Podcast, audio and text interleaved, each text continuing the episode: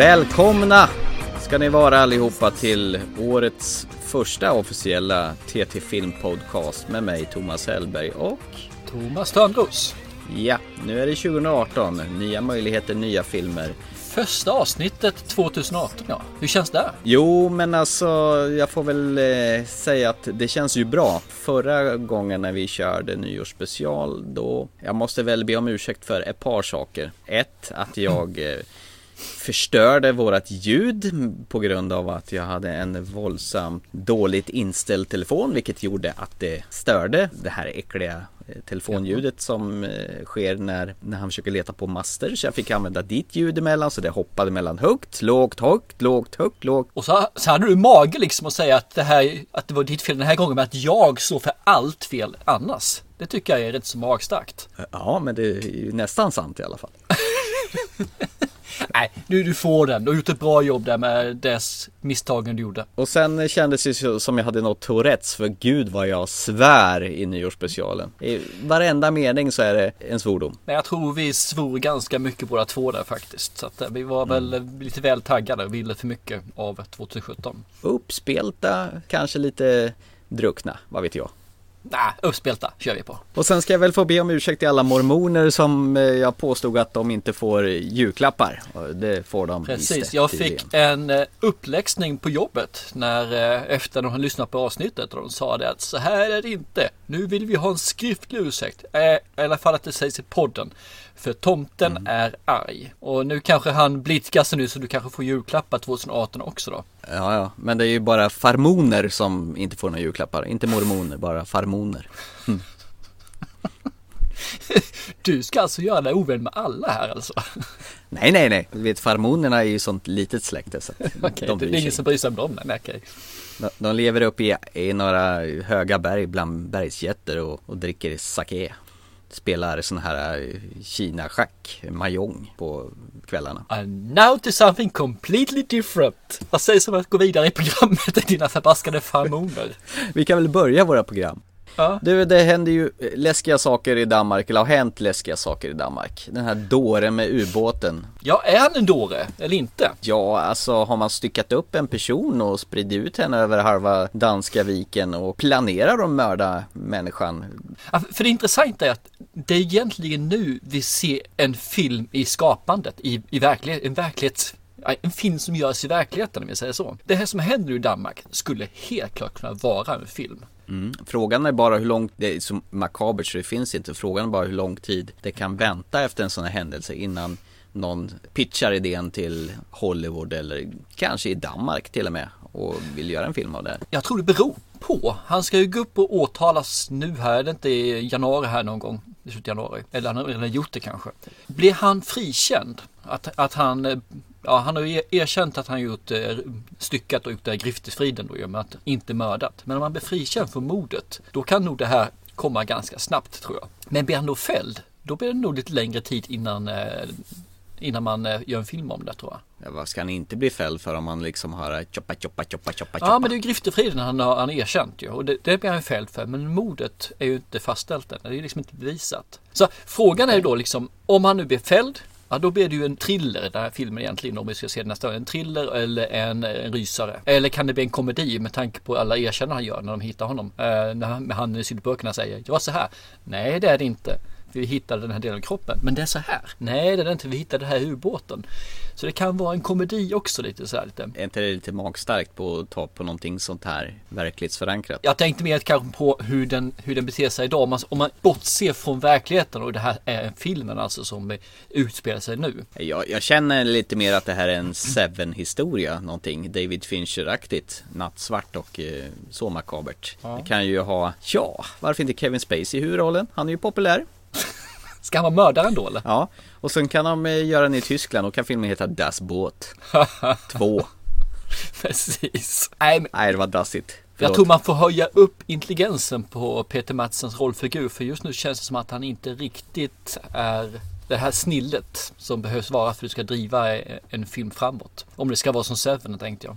Vem ska spela hans rollfigur då, om man säger så, hans karaktär? Och om, om han nu ska vara det här monstret då säger vi som står där. Ah, De har väl bara en i Danmark, Matt Mikkelsen! Nej, jag tänkte vi kunde gå igenom lite mer på hela Hollywood kanske då. Finns det några riktigt bra äckliga skurkar? Jo men jag har glömt bort namnet. Vad heter han för något som är Scarecrow i Batman? Ja, ja, Cillian Murphy. Ja, han skulle passa bra som eh, den här psykopatmördaren. Fast han kanske är för Ja, uppenbar att han blir, ser ut som en mördare. Man ska kanske ha en film där man ändå sår ett tvivel att han kanske inte är skyldig. Och då behöver man kanske ha någon som är mer sofistikerad. i sitt, eh, McConaughey kanske? Vem? McConaughey, varför kan inte han göra en bad guy? Han kan behöver inte alltid spela som menlösa mesproppar. Nej men varför inte? Clancy Ja. Brown, Kurgan i Highlander. Oh, fast han är för gammal kanske. Ja, det är han. Men han platsar nog bättre som den här hårdhudade snuten som äh, haffar honom i slutet. Ja, ja, som ska liksom utreda det hela och eh, griper honom. Mm. Ja. Ja. varför inte? Men eh, hon den eh, olycksaliga journalisten då, som blir mördad? Alicia Vikander. Nej men herregud, nej det går ju inte. Man ska inte peta på Alicia Vikander. Hon ska ju vara Tomb Raider ju och springa Ja. runt. Du är he- helt rätt. Jag ber om jätte, jättemycket om ursäkt här alltså. Emma Stone då? Buffy, Vampire Slayer, Sarah Michelle Gellar. Men hon är ju för gammal. Hon är väl inte gammal? Ja, men det här ska ju vara en ung journalist. Hon kan inte utse sig för att vara ung journalist. Hon var, hon var väl ung när hon var Buffy, eller hur? Ja, för 20-30 år sedan. Ja men det är så jag minns henne. Elisabeth Chu då? Mm.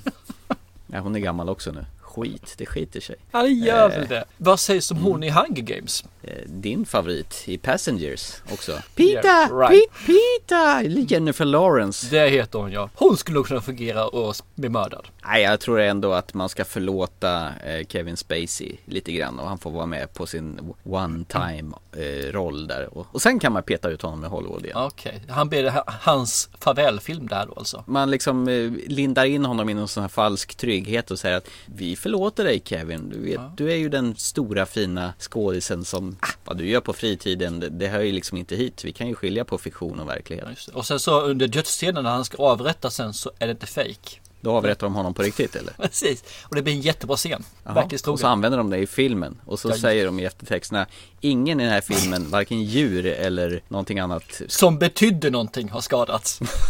Ja, precis. Äh, usch, förlåt Kevin Spacey, det var inte alls meningen att säga det. Jag tror vi har gått över spår här i den här spårningen. Men eh, jag, jag tycker det är kul att se, för det känns verkligen som att det här är en serie eller en film i sitt vardande, Mm. alltså, som den utspelas. För det är en riktig dokusåpa. Nej vilken jävla dåre, det är väl bara att avrätta honom så, det så man kan börja filmarbetet till att göra filmen, eller hur? Det går ju mycket fortare då Ja, men nu har vi ju inte ett straff i Danmark, utan det blev att blir anstalt, anstalt eller fängelse. Omhändertagen är det de snackar om. Det är väl det allvarligaste han kan göra, för då kommer han aldrig ut. Verklighetens film spelar sig in idag alltså. Och se om det blir någonting Ja. efteråt också. Den som lever får se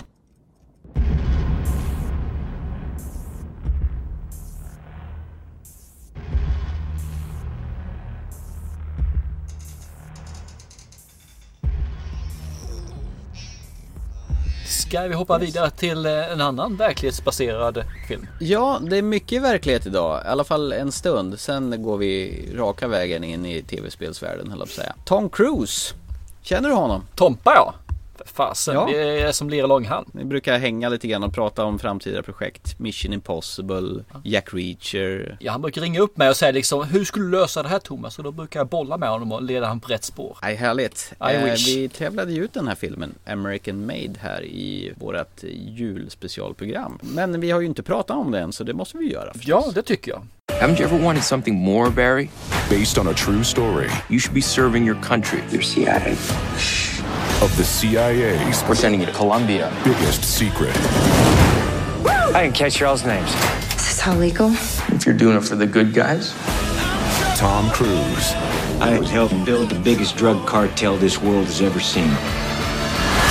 Roscoe dug this up. There are bills everywhere. I'll rake it up in the morning. American Made.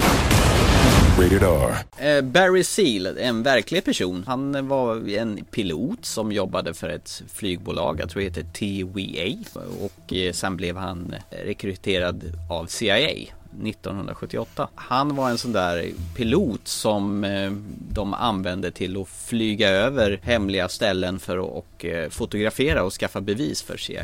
Men eh, han fick lite fler kompisar längs vägen. Blev lite polare med Pablo Escobar till exempel, som behövde en man med hans färdigheter så att säga. Talang, Han kunde kan man flyga säga. in. Talang ja, precis. Han smugglade knark, han smugglade vapen och han tvättade pengar. Sen snart till slut så fick han ju den här titeln eh, The Gringo that always delivers. Alltså gringon som alltid levererade. Och vad han var omtyckt och älskad av alla. Och hatad av alla samtidigt tänkte jag säga. Det var en sån där eh, kille som, han var en riktig fixare helt enkelt. Och Tom Cruise han är ju som klipps som skuren i den här rollen tycker jag i alla fall. Ja, jag tycker också han är det är en humoristisk eh, actionfilm får man säga där. Sen så tycker jag att det, det, det stör mig lite just att det ska vara just det här eh, baserat på en verklig händelse eller en verklig person. Jag tycker det är synd. Låt det vara fiction istället. Jag tycker det hade varit trevligare. Nu tror jag visserligen att det mesta här är nog rätt så utbroderat så att med sanningen överensstämmande grovt, väldigt grovt. Barry Seals öde stämmer ju överens med verkligheten. Det är ju ingen hemlis. Fast han var lite knubbigare än vad eh, Tom Cruise är kan man säga. Tom Cruise är nog lite stiligare än verklighetens Barry Seal. Jag kommer inte ihåg om man fick se bilder på honom i eftertexterna där men det fick man säkert göra. Nej, jag såg en liten eh, kort eh, dokumentär där hans barn berättar om sin pappa då. Hur farsan tog med, med barnen ut och flög och gjorde loopingar och grejer och han blev kompis med precis alla. Det stämmer lite grann överens då. Men sen som du säger så har de broderat ut det. Det ska ju bli underhållning också för det här är ju Underhållning, action, action. och humor. vad ska man säga, gangsterfilm skulle man kunna säga också att det är. Vet du vad jag tycker är häftigaste med den här filmen? Nej, Det är att Tom Cruise själv, han kan flyga. Och varenda scen du ser det här flygplanet fara förbi överallt, det är Tom Cruise själv som flyger flygplanet. ja, men det är så vanligt. Han gör alla sina stans alltså. Karn går ju in till hu- 100% eh, när det gäller filmerna han är med. Det finns nog ingen som är mer arbetsnarkoman än han. Ja, han regissören Doug Lyman som har gjort den här filmen, de tillbringar ju 24 timmar om dygnet tillsammans. Om de inte spelade in så typ sov de i något tält vid något flygfält tillsammans och käkade på kvällarna tillsammans. All tid som var under inspelningen så var de som yin och yang så de kom väldigt nära varandra. Ja, jag tycker det mest imponerande att Tom Cruise alltså, han är ju dryga 50, 55, 56 någonstans där alltså. Ja. Och han är ju vältränad, han är ju rippad den här grabben alltså. Han har Mm. ju en kropp som många 25-åringar skulle önska sig ha tror jag. Ja, eh, och sen har du ju Domhnall Gleeson med den här rödhåriga smurfen som man ser lite varstans nu senast i The Last Jedi som spelar den här eh, överspelande. Ja, visst. Och du har ju sett han i Ex Machina också. Ja, just det, det stämmer ju. Det är faktiskt ju han hans kom- bästa film. Det är ju rätt intressant med hur han har varit upp och ner liksom. För först gör han då, eller först, först 2014 gör han Ex Machina. Och sen 2015 gör han ju världens bottennapp när han är då är med i Revenant. Jag tror, jag tror han har sagt det, eller i alla fall tycker han så att han tar avstånd från den filmen totalt. Hittar du på nu eller stämmer det? Det, Det är verklighetsbaserat fast med, jag har broderat ut det lite grann. Alternate truth. Nej då, han gör väldigt olika filmer. Jag tycker faktiskt han eh, skulle, han kan bli någonting den här. Sen tycker jag väl att han passar inte riktigt bra in i Star Wars-sagan just nu, men han är lite för det. Tom Cruise fru i den här filmen, Sarah Wright tycker jag sköter sig alldeles utmärkt också. Men visst hade hon lite komedikänsla den bruden alltså. Jag tycker hon lyckades vara riktigt pinpoint på sina, jag har inte sett henne i någonting. Men hon var ver- verkligen pang, här visst, tight mot, eh, med replikerna. Visst är det så. Hon har faktiskt varit med mest i komedier, så här tonårskomedier tidigare. Ja okej, men det nog därför då ja. 21 and over, Walk of Shame, The House Bunny och så vidare. Det är alltså lättsamma komedifilmer. Eh, Så hon, hon har väl det där lite i sig. Men här har hon väl vuxit till sig lite grann. Men hon besitter ju faktiskt, som du säger, en komisk timing som träffar rätt. Och de har ju ett jädra bra samspel. Men det har ju Tom Cruise alltid mot sina motspelare känns det som. Ja, jag tror att han är väldigt snäll och han är, han är väldigt eh, trevlig alltså tror jag mot de, sina med, medspelare och framförallt resten av eh, ensemblen också. Men Vad jag har hört där i alla fall så verkar det som att han verkligen vill att alla ska trivas, alla ska vara med. En god kille rent ut sagt. Ingen diva. Och den här filmen, jag tycker den skiljer sig lite grann mot vad han brukar göra. Utan det känns ju lite som sagt en action, komedi, gangster med en liten touch av verklighetsförankring. Fast det är ju lite over the top ändå känns det som ilandsproblem att ha för mycket pengar når ju högre höjder än någonsin i den här filmen. Ja, och det känns lite sådär, fanns det ingenstans att lägga av pengarna? Men fasen, det finns ju rätt så många tunnland att äh, bygga hus på, långt, långt bort. Ja, det, ja. Ja, Men den är underhållande åktur tycker jag. Dessa två timmar som man får uppleva. Det är ju en film som ska sträcka sig över ett x antal år. Jag vet inte om det är fyra till sex år den här filmen ska. Det är rätt så bra att kunna trycka in det på två timmar. Lite Dogs of, eller The Wolf of Wall Street känsla över det. här. DiCaprios det här lite uppgång och får storvarningssinne stuket på det här. Så att den är lite upp, upp och flyger på samma sorts film känner jag. Ja, fast inte lika mycket på ecstasy som eh, Wolf of Wall Street var. För den var ju verkligen, den gick upp i 320. Men den här Ja. bara kom upp i en 215. Men, eh, nej, men jag håller med, jag känner igen Wolf of Wall Street också mycket här. Jag känner igen eh, sättet man bygger upp det på. Och sen så är det ju att han hela tiden berättar som också det är Wolf of Wall Street då ju. Slutet är ju ingen hemlighet om man har läst på lite grann om honom eller så här. Har man inte Nej. gjort det, då är slutet slutet en hemlighet. Men Mm.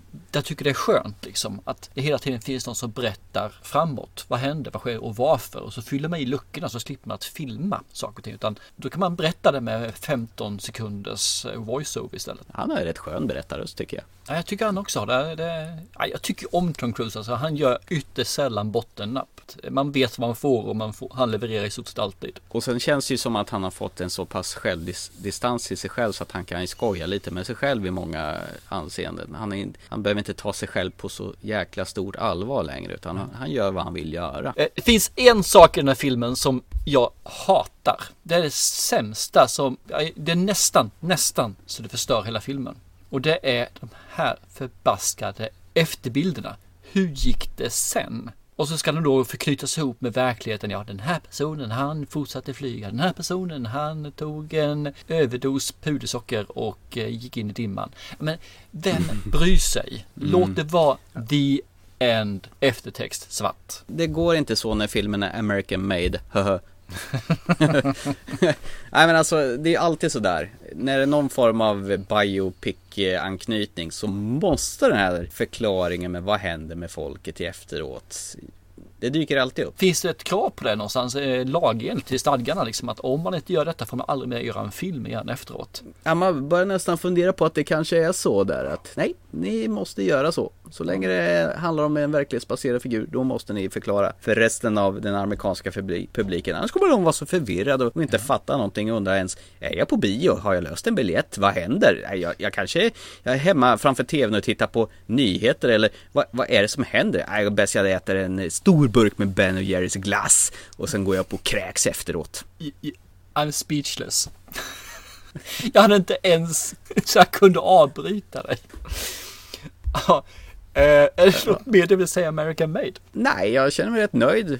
Jag- Jag säger att jag rekommenderar den varmt. Jag rekommenderar Tom Cruise. Jag rekommenderar filmen. Jag gillar Doug Lyman. Ja, fortsätt göra film ihop ni två. Det verkar ju bli kul det här. Det här är liksom eh, en luta dig tillbaka och njut av åkturen i två timmar. Alltså det är helt underbart. Jag, jag, jag tyckte om den. Men det är ingenting som satte sig liksom eh, några spår efteråt. Men de här två timmarna så var det okej liksom. Det, det var det riktigt bra.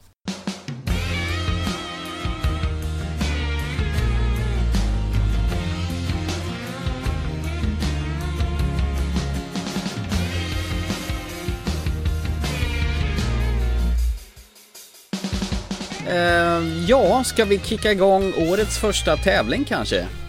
Det tycker jag absolut vi gör. Det är ju, det är ju dags för det. Ja, det vore väl nice. Look, everywhere it happens, it's all connected by the sewers. What happened?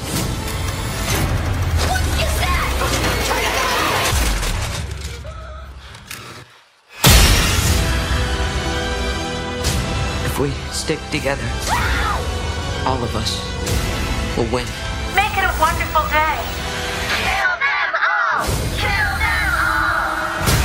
It. Rated R. September 8th. Vi är ju så eh, glada att vi fortsätter våra samarbete med våra samarbetspartner 20th Century Fox. Och I det här läget så har vi ju fått två exemplar av nyinspelningen eller eh, av Stephen Kings eh, tjocka bok. Vi kan väl säga filmen, för det andra är ju en tv-serie. Det var det jag satt och funderade på. Nyinspelningen, den andra var ju en mini-tv-serie. Men det här är ju första gången det kommer på film. Och vi har ju våran kära svenska där som Det eller Pennywise. Oh, jag tycker om dem. Eh, Jag har faktiskt tjuvkikat om den här filmen igen. Och jag måste ju säga att den står sig ju precis lika bra som jag kommer ihåg den på bio faktiskt.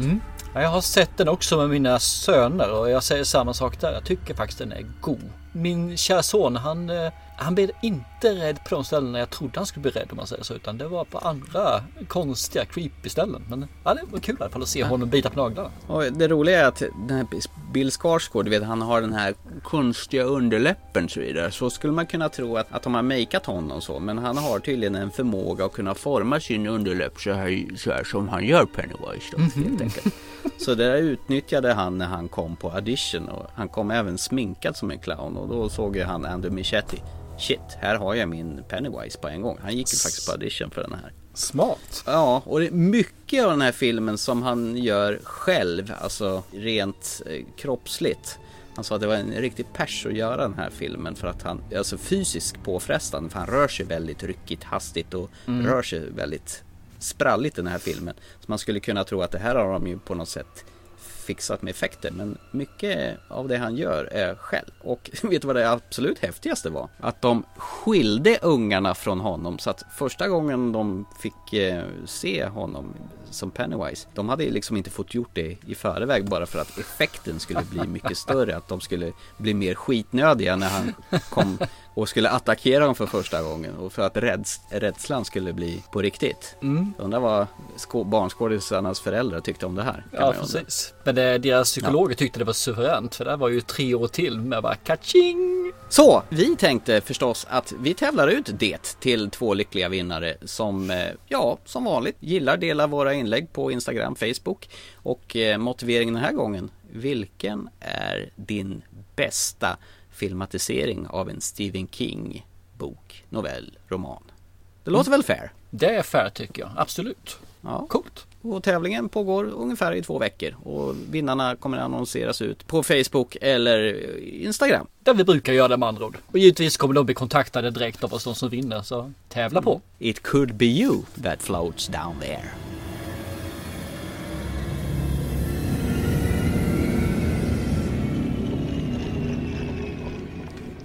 Nu är det så här att det var ju ett par veckor sedan, eller ett par veckor sedan, ett par program sedan, så du fick mitt uppdrag till dig. Mm. Du valde den svåra vägen och därför gav jag dig en tv-serie igen. Tråkig är jag, jag vet. En eh, från eh, Argentina tror jag den här är ifrån. Brasilien. Brasilien till och med, okej förlåt. Ja, det är närheten i alla fall. Jättenyfiken och höra vad du tycker om den här. Jag tyckte den här var mysig, den var lite annorlunda och eh, ja, jag kände att jag ville se mer av den här. Och det ska bli kul för det kommer faktiskt en säsong två också nu i år. Så det ska bli ruggigt kul att höra vad du tycker om du kommer se säsong två eller om du kommer dissa filmen efter tre avsnitt som var ditt uppdrag.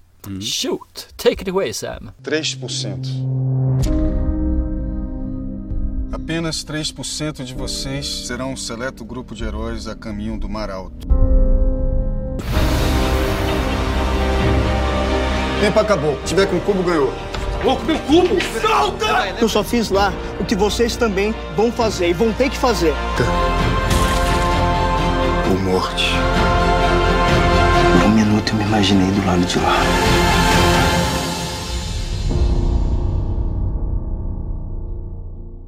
Ja, 3% heter ju serien som man kan beskåda på Netflix. Portugisiska tror jag minsann språket är de pratar. Det fanns ju en engelsk dubbning men du sa ju åt mig att låta den vara.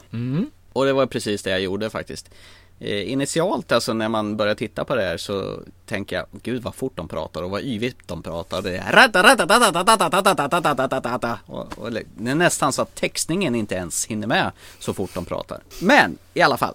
Eh, historien går alltså att det är en värld som är uppdelad. Antingen så går det bra för en eller också går det åt helvete. Du kan leva i slummen eller du kan gå vidare till en värld som kallas offshore. En ö som man kan komma dit men då är det inte bättre att du måste gå igenom en urvalsprocess. Alla kan eh, söka men eh, alla kan också bli utslagna utom den lilla gnuttan 3% kommer vidare. Man vill komma till offshore för man har hört talas om att livet är mycket bättre bättre där man får leva i harmoni. Det låter nästan lite Jehovas vittnen där, att man kan komma till paradiset Lite ungefär. grann så är det faktiskt nu du säger. Jag har inte tänkt på det men du har helt rätt. 3% det vill säga Mm. den här eliten. Och där lever du utan sjukdom. Alla är vänner med alla och hela det här köret. Precis, djur och människor går sida vid sida och är du, eh, sitter du i rullstol så kan du gå till och med. Du blir botad, du blir helad om du kommer till paradiset ungefär. Och, men för att komma dit så krävs det att man går igenom en himla massa prövningar. Vissa grejer ska göras i grupp, andra grejer är på det, ett individuellt plan och det blir rivalitet mellan de här olika karaktärerna. Jag fick känslan lite grann att det påminner lite grann om The Cube till exempel. The Island, den här du vet med Scarlett Johansson och Ewan McGregor. Lite Circle, kanske till och med lite The Hunger Games av det hela faktiskt. Fast det är gjort med en väldigt liten budget. Mm. Eh, man får se mest inomhusmiljöer det hela. Vissa sekvenser när man får se på det här komplexet som de måste gå igenom och utföra de här testerna.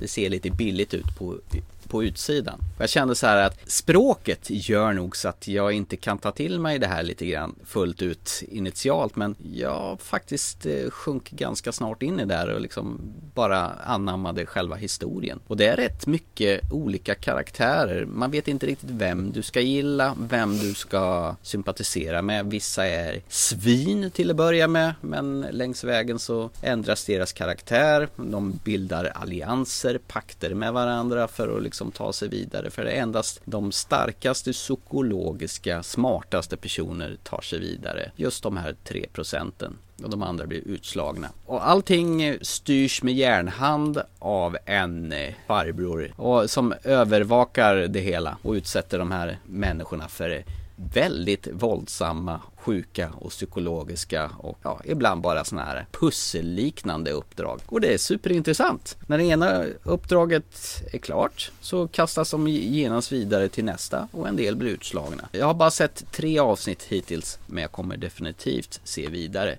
Det här var Mumma! Härligt att höra faktiskt. Jag, Mm. Det lät på det när du sa det här. Jag tänkte så här, jag tyckte, jag tror att det, jag tänkte, jaha, det här var ju ingenting för herr Hellberg. Men vad kul! Skoj! Men just det här att det, det kändes, det påminner om mycket annat som man har sett. Massa pussel och grejer som måste lösas och, och själva insatserna är jättehöga för att komma vidare och när de får vissa uppdrag så blir det såna här omöjliga uppdrag som hur, hur tusan ska de lösa det här då? Och när de tror att de har löst det, nej då är det på ett annat vis. Och många infallsvinklar och det är rätt smart uppbyggt och själva det visuella tilltalar mig. Man märker att det, det är inte världens största budget i det här och, och det är rätt så bra för då gör det, det hela att det blir mera berättandet som blir viktigt och det är inte där att det blippar och bloppar och det ska vara så jäkla high tech där utan det är ganska subtilt och lågmält. Jag gillar att de driver egentligen historien framåt istället för att det ska vara tekniskt fulländat. Musiken kan jag väl ha lite invändningar till att de använder lite konstiga soundtracks mellanåt men det är ingenting som stör speciellt mycket ändå. Det är jäkligt sköna karaktärer och trots att jag inte förstår språket så förstår jag att det här är väldigt duktiga skådespelare man får tag i. Det här var mums. Jag kommer definitivt se klart den här säsongen. Det är lite grann det här som du såg den här filmen eh, Hemligheten i, hennes ögon. Ja, Det är ju, man, man förstår inte vad de säger för någonting men de har ett kroppsspråk som gör att man ändå förmedlar precis det som de säger. Så man förstår Mm. att det är äkta det man läser på texten. Och det tycker jag är Ja. jäkligt nice faktiskt. Jag kan avslöja att jag drog mig väldigt för att titta på det här. Jag skulle slå igång det här bra många gånger så att det här var först i, i förrgår jag började titta på det här. Så jag har haft hur lång tid som helst på mig men någonstans så var det ett motstånd till det här. Men vad är det här? Ah, ah, ah. Men det räckte ju egentligen att se 20 minuter sen, sen var jag fast kan Men visst är det kul när man får de här sakerna som gör just att det är ett motstånd. Jag vet, jag har fått Ja. uppdrag av dig som jag känt, ah, måste jag verkligen? Mm. Ska jag verkligen? Och sen så, ja, Mm. du måste göra det för annars kommer ju Thomas Hellberg häckla mig liksom i ett halvår efteråt för jag har inte eller, uppdraget. Så det är klart man gör det. Och ibland blir det bra och ibland blir det Manchester by the Sea. ja. Mm. Nej men jag kände ett tag liksom att nej jag får nog kasta in handduken walk over här för jag, jag känner mig inte sugen än, ens igång att starta det här. Men det är ju så himla dumt att ha den dumma förutfattningen innan man ens vet vad det egentligen handlar om. För det här var ju helt klart sånt här jag gillar. Det är som jag sa, det är lite Cube-känsla det här att man är i en grupp och ska försöka lösa problem. Ja, för, för visst är det ganska klaustrofobiskt, även när man är utanför tävlingar, utanför komplexet så blir det ändå lite klaustrofobiskt. Ja visst, det. det- de känner hela tiden stressen och pressen på sig att de är övervakade och den här äh, rivaliteten mellan folket och vem kan du lita på? Någon eh, tycker att de fuskar, de andra ska göra allting safe men ändå när de till slut hamnar i en grupp och måste samarbeta att de verkligen måste lita på varandra för att och komma vidare. Ja men det här är, det samtidigt känns som ett socialt experiment som Precis. skulle kunna vara hämtat ur verkligheten. Alltså nu drar de ju till ytterligheter naturligtvis men själva sättet man ska lösa problem. Du ska lösa det själv och lösa det i grupp. Du måste kunna samarbeta Ja. men ändå tänka själv. Så det är ett, eh, som du säger ett experiment där. Nu ska jag sticka ut hakan här. Du har sett de här Mm. tre stycken avsnitten som vi gjort nu. Och du var fast i 20 minuter. Jag säger att det kommer bara bli bättre för varje avsnitt. Och i slutet så är det här riktigt, riktigt underbart. Men det, för mig var den lite grann så här segstartad. Jag tyckte om den efter bara något avsnitt. Och sen så tyckte jag mer om den. Sen mer och sen ville jag inte sluta. Sen var jag jätteledsen för att det var sista avsnittet. Ja det är inte så många, det var bara 8-9 stycken vad jag Nästa säsong verkar ju komma i år redan så det är inte Jajamän. så lång väntan. Bara på de här tre avsnitten så har det ju varit väldigt många olika typer av vändningar och twister i den här serien. Så jag kan inte direkt säga att jag lyckas eh, se vändningarna komma som de kastar på en. Utan det är jäkligt smart skrivet det här. De har Ja. ju tänkt till både, både en och två och tre gånger innan de satte sig och Och, och det är det som är så skönt för den- här lanserades då säsong 1 2016. Och nu är det 2018 och då kommer säsong 2 vilket innebär att de har haft tid på sig att skriva ett manus igen. Och då hoppas jag verkligen att de har tagit den här tiden och skrivit och gjort det lika genomarbetat som de gjorde på första säsongen. För det, det är det värt. Den här världen är värd det. Absolut. Eh, Ska du få någonting tillbaka med dig då? Ja, det har jag väntat på i, tre veckor nu, jag men två veckor i alla fall. På våran nyårsspecial så satte du en film som heter The Killing of a Sacred Deer väldigt högt upp på din topplista. Ja, han låg ju etta, delad etta. Ja, det är ju helt bisarrt. Jag har inte sett den än så jag kan inte säga bu eller bä om det. Men jag litar på ditt omdöme i det här fallet. Och det kommer ju an på filmen The Lobster från 2015 av samma regissör Yorgos Lantima...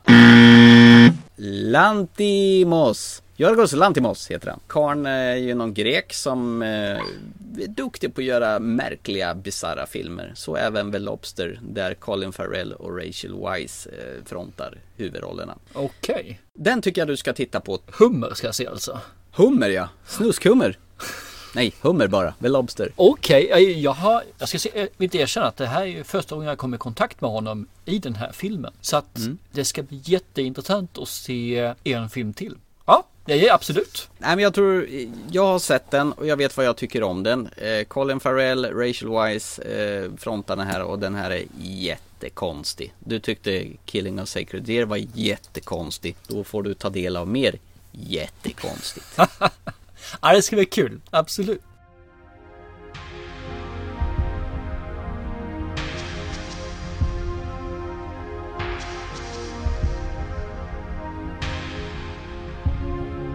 Ska vi gå till eh, dag, dagens sista ämne då kanske? Det tycker jag. Då går vi ifrån allt det här med verklighetsförankring att göra och gör väl egentligen en, ja vad är det, en remake va? Ja, eller snarare en eh, fortsättning. Ja, det är det ju faktiskt, har du rätt i. En mutation av eh, originalfilmen med Robin Williams från, vad kan det vara, är han från 80-talet? Hösten Jumanji menar du? Ja, Ja, den är från 95. Ja okej. Det är så pass i alla 80-talet, fall. ja det var lite svårt. 80-talet hade man inte så man kunde trickfilma djuren på det viset. Det var ju ganska... Nej, det har du faktiskt rätt i. Jumanji, Welcome to the Jungle då. What is going on? We got sucked into the game and we become the avatars we chose. Where's my hair? Ah, I have a tattoo. Where's the rest of me? I look like a living garden gnome. Where is my phone? We have to work together. Don't let this new body get your butt whooped. Jumanji.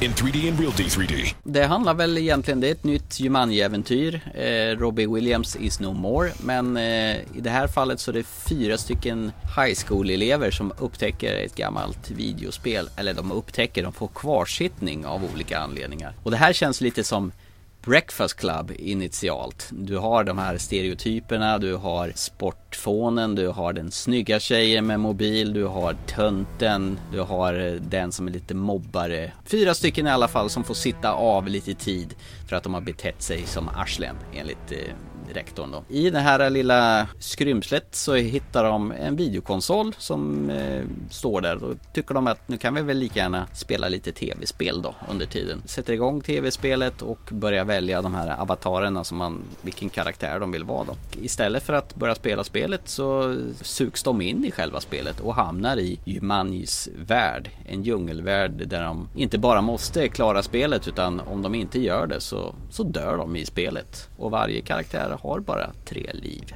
Var det en okej okay eh, plott? Absolut, det tycker jag. Mm. Och de här mm. unga tjejerna och killarna, de är ju med i början av filmen där. Efter det så får mm. de ju sina karaktärer och då har vi ju, hur du säger, den här nörden, han blir ju givetvis Dwayne Johnson. Stor, biffig, eh, musklig. Och så har vi då Fritz, han som är sportfånen som du nämnde där. Han är ju givetvis någon botanist eller vad är han för någonting? Kan väl allting om zoologi eller vad kallas Precis. det? Precis. Och så har han då en specialförmåga att han då har en ryggsäck där han har alla sina grejer. Det vill säga bullsaxar, vapen och vad det nu kan vara för någonting. Till just Dwayne Johnson, Spencer då. Och hans eh, sämsta egenskap det är att han inte klarar av kaka. den, den är grym, den alltså, helt klart. Och sen har vi ju Bethany, den lilla sport, eh, eller den snygga tjejen som inte kan leva utan sin mobiltelefon. Hon väljer ju avataren och blir en medelålders fet man som eh, spelas av Jack Black. Han gör rätt bra ifrån Jack Black där. Och så har vi Martha, den sista. Vad är hon för något? Hon är också ett snille som egentligen inte kan njuta av tillvaron va? Och inte vågar att ta till sig folk utan är en enstöring också. Hon är rädd för alla. Hon är rädd för att de inte ska tycka om henne tillbaka. Och hon blir då givetvis den här, vad heter det, Roundhouse. Den här tjejen som kan eh, martial arts och så vidare. Och dance, dance fighting. Dance fighting, den är väldigt ja. bra. Ja, absolut. Hon är någon slags Tomb Raider lookalike där. Jag tycker om eh, förklaringen på den också var ju Roundhouse, the killer of men. Hon spelas av Karen Gillian. Det var hon som vi tyckte skulle ersätta Emma Watson. Emma Watson i The Circle faktiskt. Och den, den här skådisen tror jag man ska hålla ögonen på för att vara jäkligt duktig här också. Ja, hon har återigen att hon har den här punchlinen kommer riktigt bra alltså. Jag tycker om henne. Hon lyckas. Hon lyckas nästan lika bra som Jack Black så ska vara liksom den här roliga killen. Han gör ju en jäkligt bra roll som tjej där då helt enkelt. De leker ju verkligen med könsrollerna i den här filmen. och könen. ja, ja, det också. Bokstavligt talat. Den som ser filmen fattar. Den största stjärnan ändå, det är nog fortfarande Dwayne Johnson tycker jag. Ja, och jag tycker om honom. Han är ju urgod den här killen alltså. Jag tycker han känns som att han, han, han gör det här för att det är skoj och han verkar vara en ödmjuk snubbe som vet, nej men du, jag får en Oscar. Men det här är mm. kul. Let's go for mm. it. Han ah. hakar nog på de projekt Alltså han kan nog välja att vraka. Det, det tror jag säkert. För han är väl en av Hollywoods mest betalda skådespelare just nu. Aha. Och sen har han ju rätt så skönt samspel med hans kamrat Kevin Hart. De spelar ju tillsammans i Central Intelligence. Så här får de ju återigen spela med varandra. Mm. Nej men det, det är skönt samspel mellan alla de här karaktärerna och skådespelarna faktiskt. Och det, jag tror det här är ett kul tilltag för tv-spelsgenerationen också. Att man tar, flyttar själva den här handlingen från ett brädspel. Och till och med gör ju lite narr av det i filmen. Det är väl ingen som spelar brädspel längre. Utan man flyttar över till tv-spelsåldern. Och för att Jumanji-spel ska överleva så måste det anpassa sig till nutiden då. Då, då är frågan, som sagt, 95 mm. kom den första filmen. Och ja. nu då 2017 kommer då andra. Mm. Det tog och, lite lång tid. Ja, det gjorde ju det va, absolut. Mm. Och då är frågan, mm. är det här en värdig uppföljare eller inte? Vi kan, vi kan svara på den frågan lite senare, men det, det är ändå det som mm. hänger där, för den första filmen var ju groteskt bra när den kom alltså. Och även mina söner mm. har sett den här filmen, originalet, ganska många gånger och verkligen älskar den. Och det är lite grann mm. därför så de kunde tänka sig se den här filmen. För de var Ah, mm, måste vi? Ja, kanske då. Och sen så till och med lite mer sugna faktiskt att se den. De var reserverade till den. Ja, lite grann i början var de faktiskt det. Och jag tror att det är lite grann det här som eh, min kära son sa när Ghostbusters-filmen kom. Och det var, liksom, det var så min lille son som sa det här. Mm. Han sa, varför ska de göra en ny film om den? När den första är så bra. Att den är, han menar bara att den är perfekt. Så varför ska de göra en ny film Mm. om den? Och jag kan Mm. tänka mig att det är lite grann samma sak här. Att de uppfattade första Jumanji så, så pass bra. Så varför ska man göra en ny film? Att det kan nästan bara förstöra. Nu är det fri tolkning för mig här alltså. Jag, Jag känner väl lite grann att de har gjort precis tvärtom här. Istället för att själva spelet kommer ut i verkligheten så får karaktärerna komma in i spelet. Och jag tycker om det. Jag tycker verkligen om det. Man gör same same but different. Och det tycker jag ju. De har verkligen lyckats med uppföljare på det här viset. För det är ju ingen eh, repetition av förra filmen direkt utan de har ju gjort någonting annat här. Fast de har behållit själva titeln och de har behållit själva konceptet att det, lever rövare om man deltar i spelet. Men jag kan ju tänka mig att man kan ju utvidga det här ytterligare om man skulle vilja. För filmen har ju gått fruktansvärt bra. Den har ju spelat in sina pengar med råge. Så att det här var nog en jag vet inte om de väntade att den här skulle bli så pass stor succé. För att den har ju gått väldigt bra på bio och den går fortfarande väldigt bra på bio. Och när vi såg den så var den ju nästan i princip fullsatt. Ja, det var det. Och det som du säger, då har ändå gått ett tag så att det var kul att se. Bara en sak till som jag verkligen tycker att de har gjort kalas. Och det är att de har behållit de här Jumanji-trummorna. Something's about to happen. Ja, de, ja precis. Exakt de trummorna ja. Exakt de trummorna. Och det är, för mig är det ju nostalgi. Det är bara yes, gott. Det är det enda som jag tycker Ja. de måste ha kvar alltså. Har de inte kvar det, då är det inte Jumanji-filmen. Nej, det, det, det är stiligt faktiskt. Ja, jag tycker det är rätt kul att de hamnar i, i en värld där att man tar det här till tv-spelsnivå. Att varje karaktär har verkligen tre liv och sen är det game over. Och de gör det på ett jäkligt lekfullt sätt. Och man inser att de är rätt så värdefulla de här tre ynkliga liven de har. Nu har vi pratat väldigt bra om filmen. Men det finns ju saker som jag tycker är lite mindre bra också. Och det är just det, är Mm. det här med att de kommer på saker väldigt, väldigt snabbt. Som det här med livet. Det bara, jaha, okej, hur kom de på det?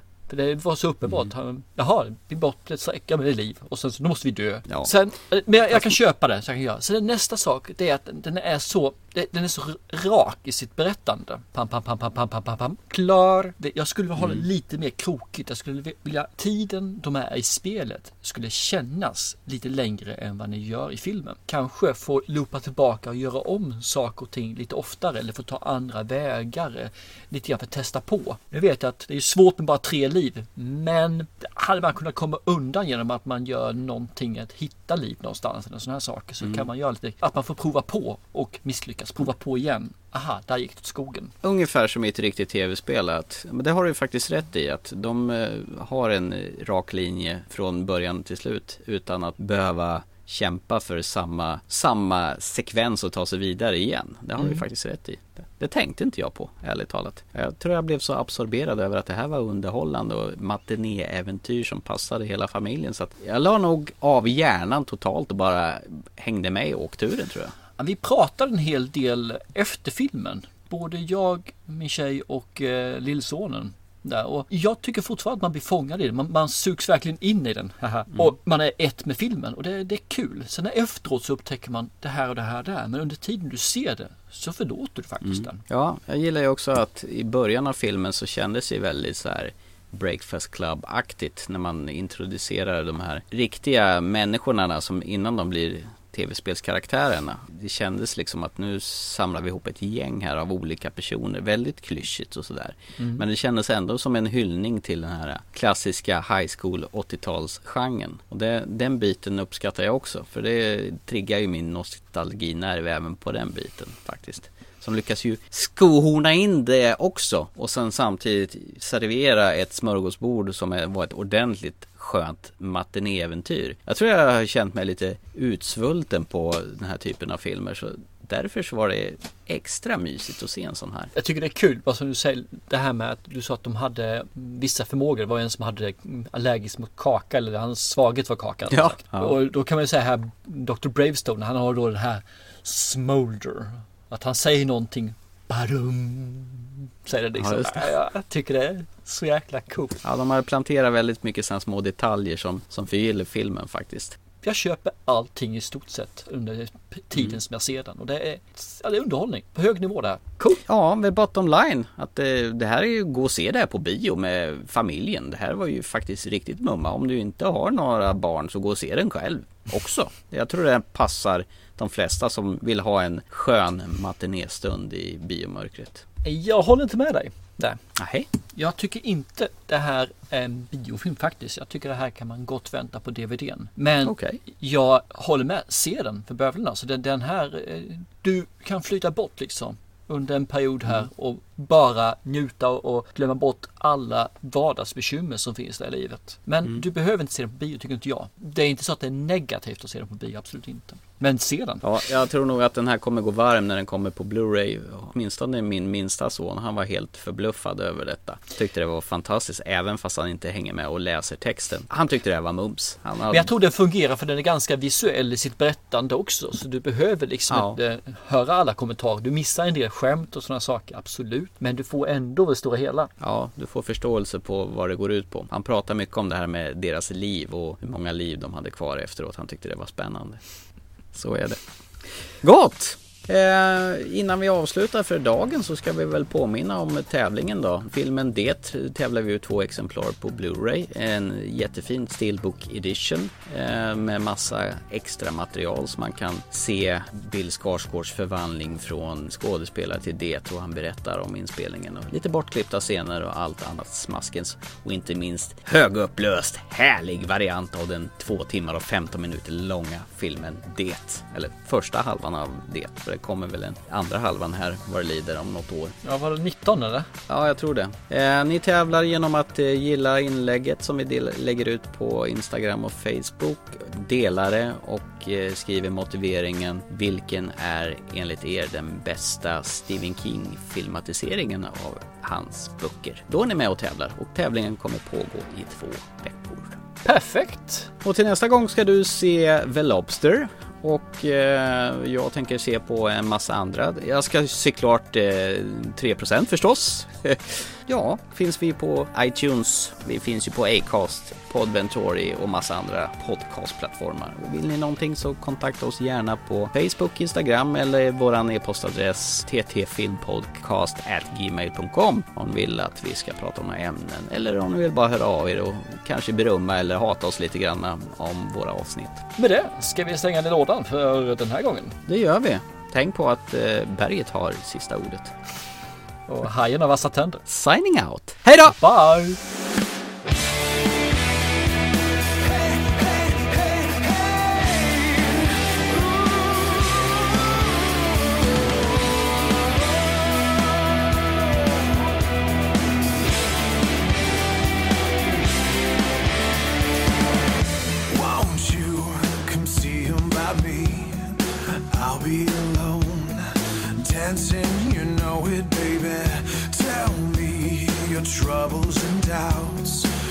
Giving me everything inside and out. And love's strange, so real in the dark. Think of the tender things that we were working on.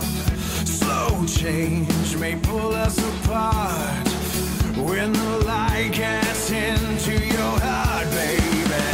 Don't you forget about me. Don't, don't,